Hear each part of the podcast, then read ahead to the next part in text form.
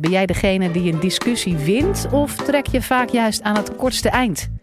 In deze podcast vertelt professor Noelle Aarts welke typische discussiestrategieën je in elke situatie kunt toepassen.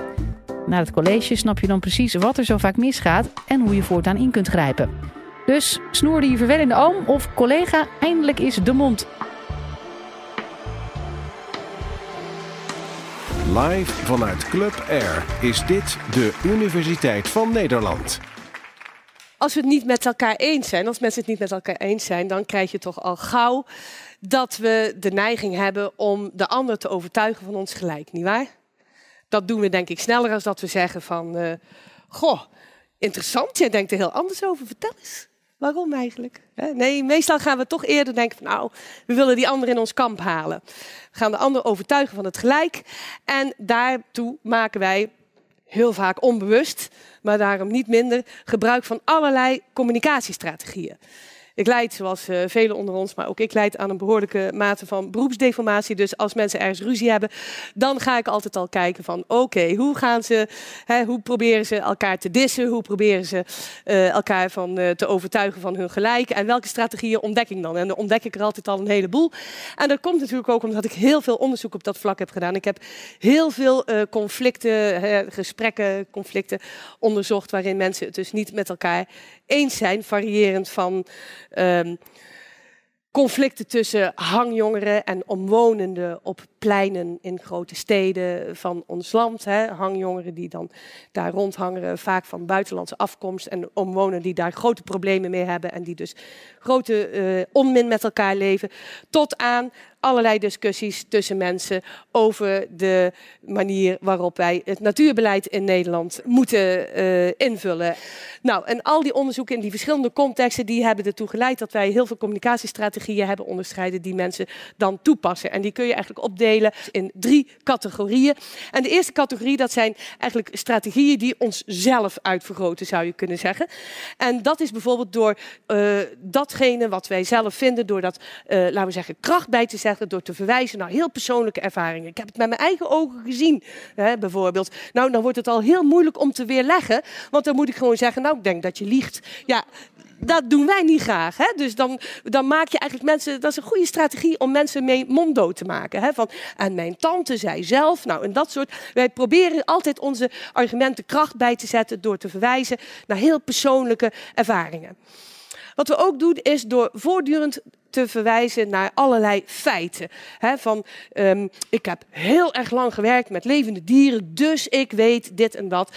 van dus echt te verwijzen van, nou, waarom moet je mij geloven? Omdat ik de ervaring heb en omdat ik weet dat en ik heb het zelf gezien dat enzovoort.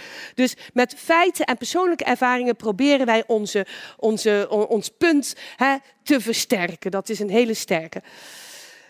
Tweede is dat we ook, waarmee we dat ook doen, dat is met het, uh, met het aanvoeren van wat wij uh, uh, disclaims noemen.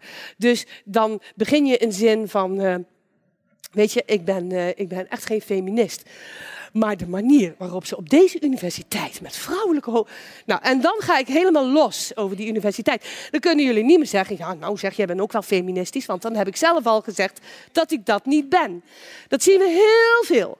Moet je maar eens opletten. Ik ben geen racist. Mijn buurman is een Turk. Geweldige man. Maar, en dan kun je los, hè?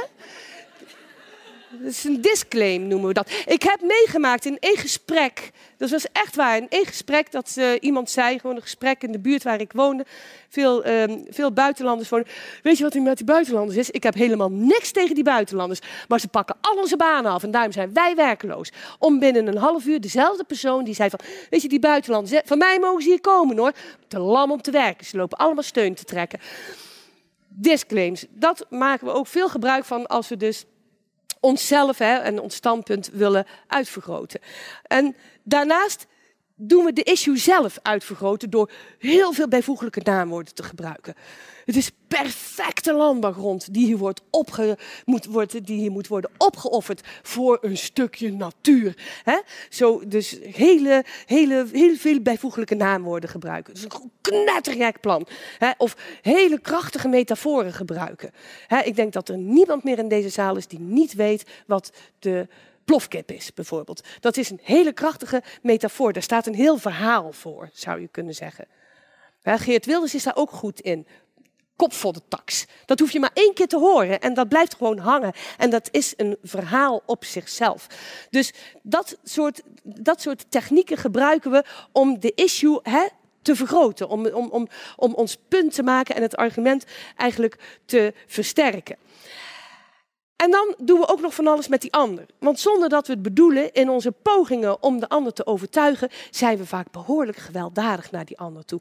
Lopen we voortdurend te beschuldigen en te beledigen van het, door jullie gecreëerde dierenleed of die nazi's van het natuurbeheer. Dat soort termen, dat wordt gewoon in die gesprekken even gemakkelijk wordt dat gewoon naar voren gebracht. En vaak worden ook, hè, van dan gaat het niet alleen om het beschuldigen en stereotyperen van bepaalde mensen, dan wordt het eigenlijk over hele groepen mensen gelegd. Dan noem je het stigmatiseren. Hè, dan ga je dus de hele groep ga je modelleren aan de hand van het slechtst denkbare voorbeeld van de kleinste deel van de groep. bijvoorbeeld, alle jagers zijn moordenaars. Hè? Of ehm, boeren die vernielen de natuur. Of Marokkaanse jongeren die terroriseren de hele openbare ruimte of wat we ook hoorden in die ruzies tussen, tussen die uh, buitenlandse jongeren en die omwonenden, dat er gewoon werd gezegd van. En dan werd er ook nog een disclaimer aan toegevoegd. Hè, van uh, echt een letterlijke uitspraak die daarin uh, werd gemaakt. Van weet je, ik heb helemaal niks tegen die jongens, joh. Ik kan hartstikke goed met die jongens. Geef ze af en toe zelfs, zelfs een blikje bier. Maar ik weet ook wel één ding. Weet je waarom die zo lopen te klooien op straat? Marokkanen, die kennen thuis helemaal geen gezelligheid. En dat wordt dan gewoon gezegd. En dan knikt iedereen ook nog. Hè?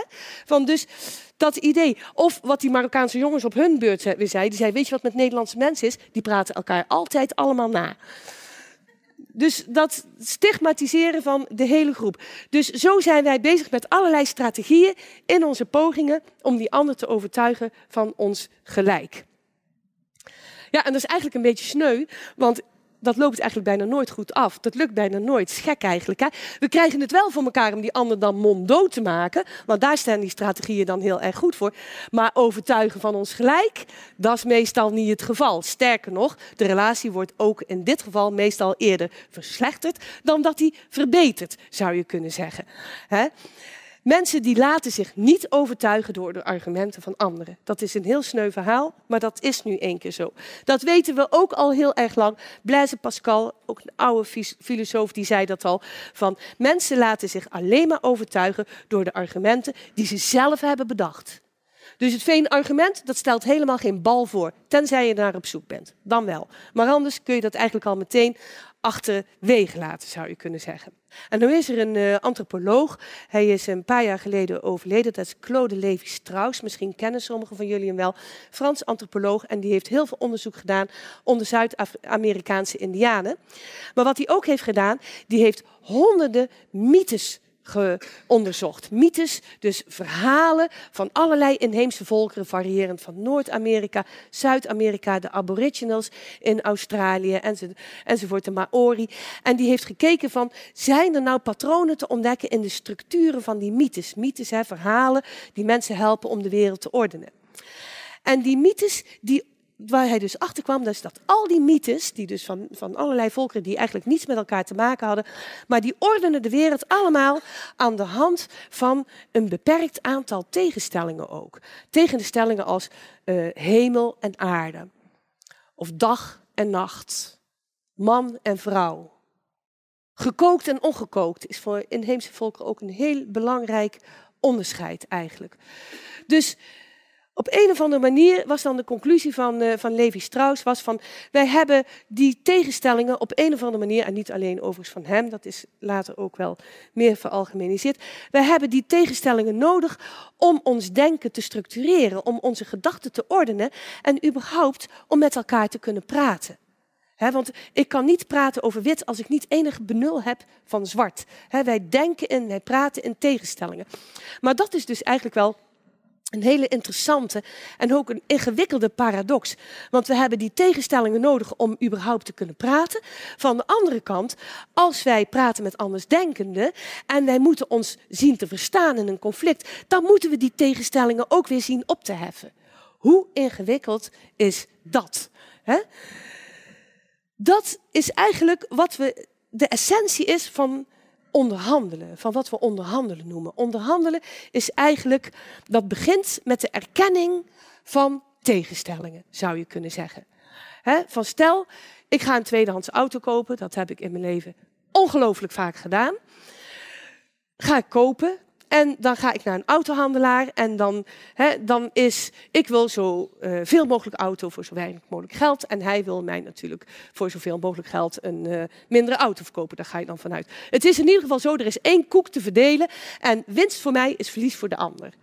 Nou, zo'n onderhandeling ga je aan. En dan kom je ergens uit, op het midden of niet. Als ik er niet uitkom, dan kan ik zeggen, weet je, ik ga wel naar een andere autodealer. Ik kan die onderhandeling afbreken. Die autodealer kan ook op een gegeven moment tegen mij zeggen: joh, jij wilt onderste kan, doei, ga maar naar iemand anders. Zo'n onderhandeling kan je afbreken. Dan kun je op deze manier onderhandelen. Maar wij leven in een wereld waarin we dus vaak conflicten moeten uitvechten met mensen waarmee we niet kunnen zeggen, weet je, kan jij niet weg en iemand anders sturen? Dat we het met die personen moeten doen of met die groepen. En dan valt een, is het minder makkelijk. Soms kom je er niet uit door de koek die er ligt te verdelen dan zul je met z'n allen een nieuwe koek moeten gaan bakken. En dan gaan er hele andere criteria spelen. dan wordt het veel ingewikkelder. Het, het, het, ingewikkelde is ook dat onderhandelingen waarbij we dus de partners niet kunnen vervangen, dat die vaak ook een stuk complexer zijn als onderhandelingen, zoals in marktrelaties, zoals in wanneer ik een tweedehands auto ga kopen.